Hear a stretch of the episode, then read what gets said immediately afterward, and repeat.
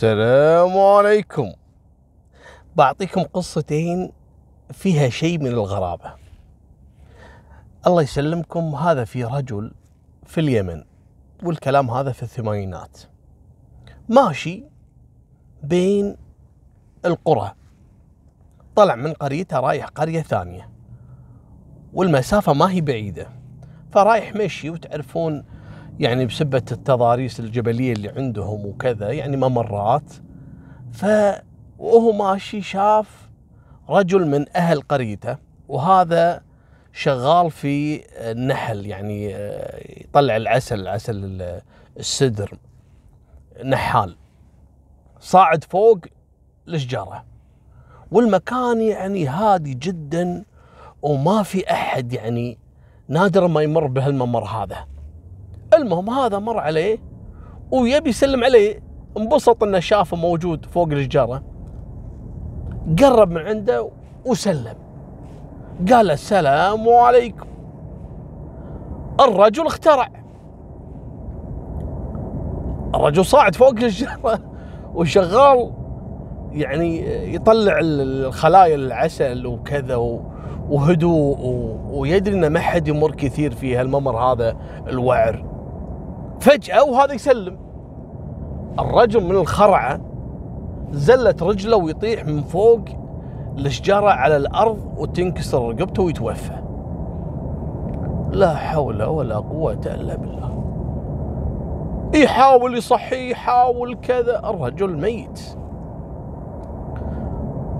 راح رجع للقرية وبلغهم أن الرجال طاح وقال لهم والله يا جماعة أنا جيت وشفته فوق الشجرة وسلمت عليه.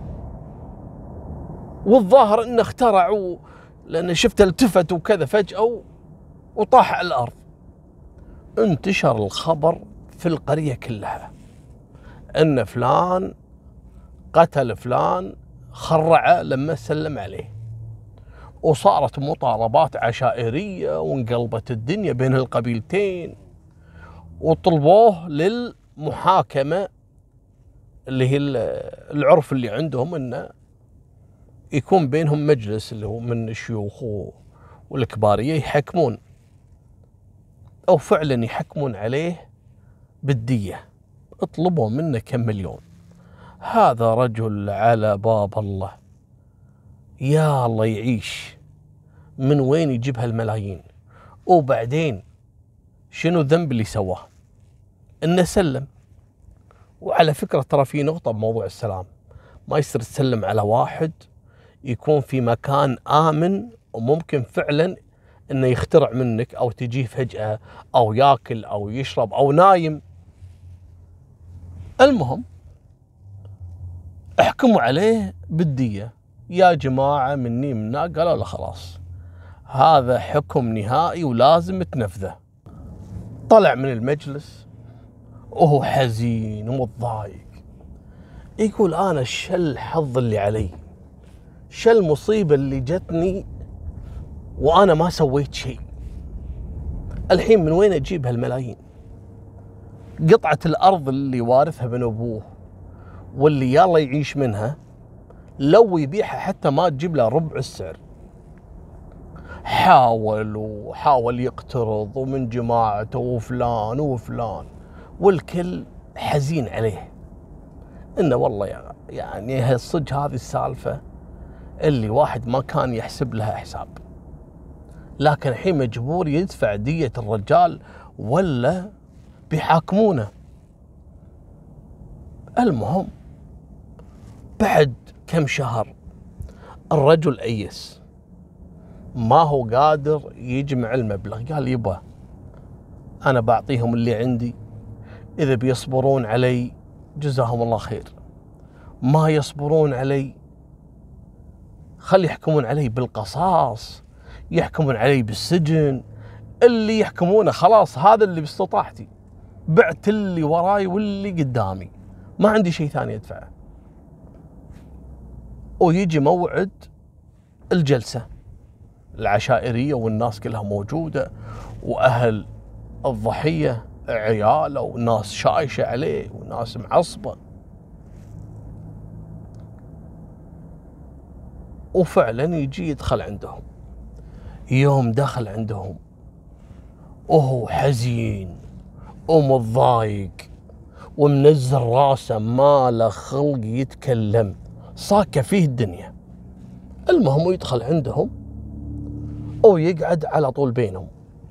خلاص. ناطر اللي يصير يصير. يوم دخل عليهم من كثر ما كان متضايق ومتكدر حتى سلام ما سلم. واللي موجودين شيوخ العشائر والقبائل وناس كبار وبيحكمون عليه. يعني الحركة اللي سواها ممكن انهم يزيدون عليه الحكم. قالوا هذا مو محترمنا أصلا. ويلتفتون عليه. شوي وينط واحد من هالشيوخ. قال له صدق أنت ما تستحي. أنت فعلا ما ترحم. الحين أنت مطلوب للدية ومطلوب عليك دم وجاي مجلس كله شيوخ وعشاير. لما تدخل علينا حتى ما تسلم. هني سبحان الله اللي انطقه. خلاه يتكلم. قال أنتم تبوني أسلم عليكم؟ قالوا إيه الرجل المحترم لما يدخل عند الناس يسلم. قال أنا سلمت على واحد بس في ممر بين هالجبال وهو فوق شجرة وأنا في الأرض وطاح والحين علي دية بالملايين. أخاف أسلم عليكم أبتلش فيكم كلكم الحين صر تبون ديه هني هم انصدموا كذلك سبحان الله إنه هو يعني كانه أثبت براءته. قال والله يا جماعة الرجال ترى كلامه صحيح. يعني إحنا زعلنا ليش ما سلم؟ يوم دخل علينا. وهو أصلا مطلوب الديه لأنه سلم على شخص على نياته. فقاموا الوجهاء قالوا يبا الديه يبا إحنا ندفعها حق أهل الميت. ولا وحتى من أهل الميت قالوا يبا إحنا متنازلين. الرجال صراحة ما له ذنب وإحنا بنخليها لوجه الله تعالى. القصة الثانية من الغرائب. وأتمنى إنكم تكشفون السر قبل لا أنهي القصة. في رجل عنده محل في القرية في اليمن طبعا. إحنا ما دام في اليمن ما إحنا طالعين لين نخلص القصص اللي عندهم. وهذا الرجل يوميا يقعد الصبح بعد ما يصلي ويفطر يروح المحل يفتح محله ويقعد يبيع فيه لين يجي عليه الليل أو يرجع البيت. ما عنده شيء ثاني.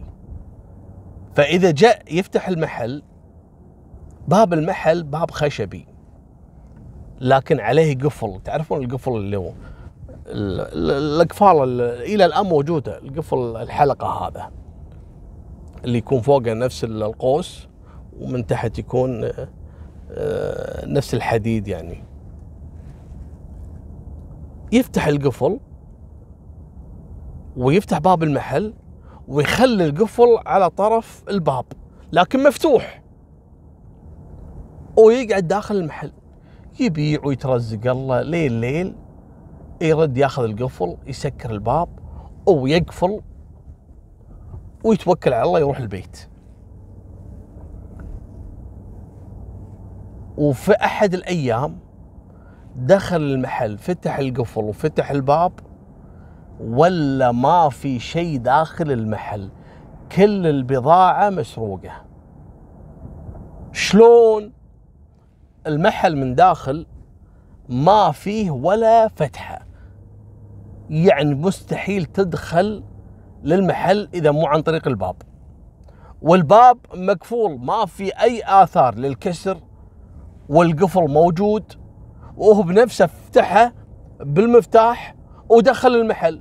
شلون قدر السارق إنه يدخل المحل ويسرق كل اللي فيه ويطلع بدون لا يترك أي أثر؟ المصيبة وين؟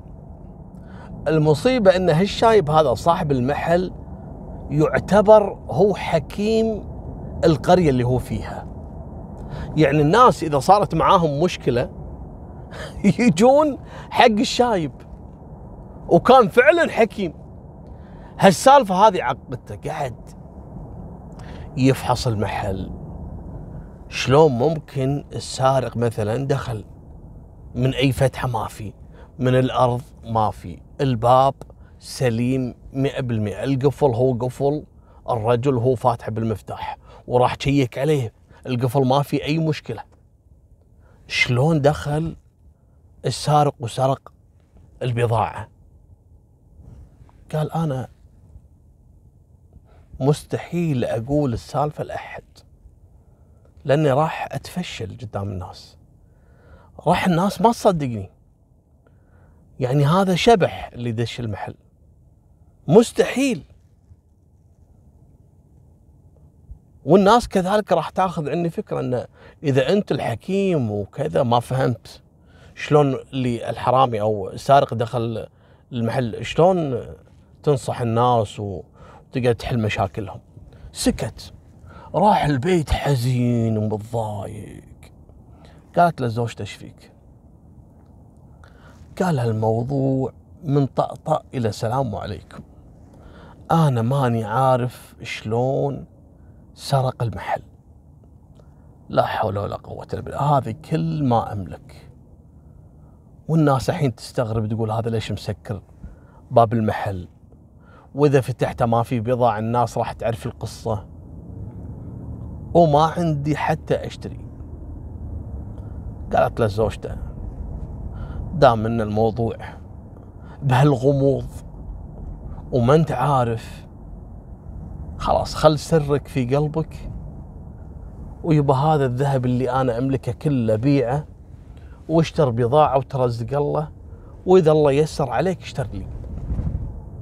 وفعلا راح باع الذهب واشترى بضاعة بعد يومين ثلاثة فتح المحل من جديد وقاعد في المحل والى الآن خايف إن السارق يكرر نفس الموضوع. لأنه هو الآن ما اكتشف الطريقة اللي دخل فيها ممكن إنه يكررها.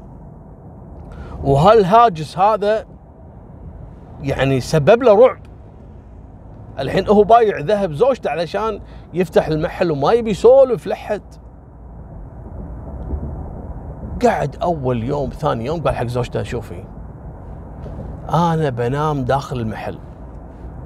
أنا بصراحة ما أقدر أترك البضاعة وماني عارف هذا شلون دخل ممكن إنه يكرره. أنا بنام داخل المحل. وقعد ينام أول يوم ثاني يوم أول أسبوع ثاني أسبوع. ويجيه رجل من أهل القرية. هذا راعي مشاكل وراعي خرابيط وكذا. ويسلم عليه مرحبا يا حج فلان يعطيك العافية وكذا. عسى ما شهر يا حجي. قال له على شنو؟ قالوا محلك مبيوق والبضاعة كلها مسروقة وكذا. عسى بس لقيتوا الحرامي. هو أصلا ما قال لحد. أو يمسكه قال له أنت الحرامي. أنا أصلا ما سولفت لحد إلا زوجتي. وزوجتي أنا أثق فيها ما تسولف ابدا. أنت إيش دراك؟ هذا الحرامي على طول ارتبك. وقال له دخيلك الله يخليك استر علي. قال له شوف أنا والله مو هامني البضاعة اللي كانت موجودة. أنا كل همي الحين إنك تقول لي الطريقة اللي دخلت فيها المحل وسرقته. وأوعدك إني أسامحك. إذا أعطيتني التبرير الصحيح اللي يقنعني. قال له شوف يا عمي أنت لما تجي الصبح مو تفتح القفل وتخليه على طرف الباب والباب مفتوح الخشبي؟ قال إي نعم. قال أنا جبت نفس القفل وخليته مفتوح مثل ما أنت فاتح قفلك ومعلقه وحطيته بمكانه وخذيت قفلك وخبيته عندي.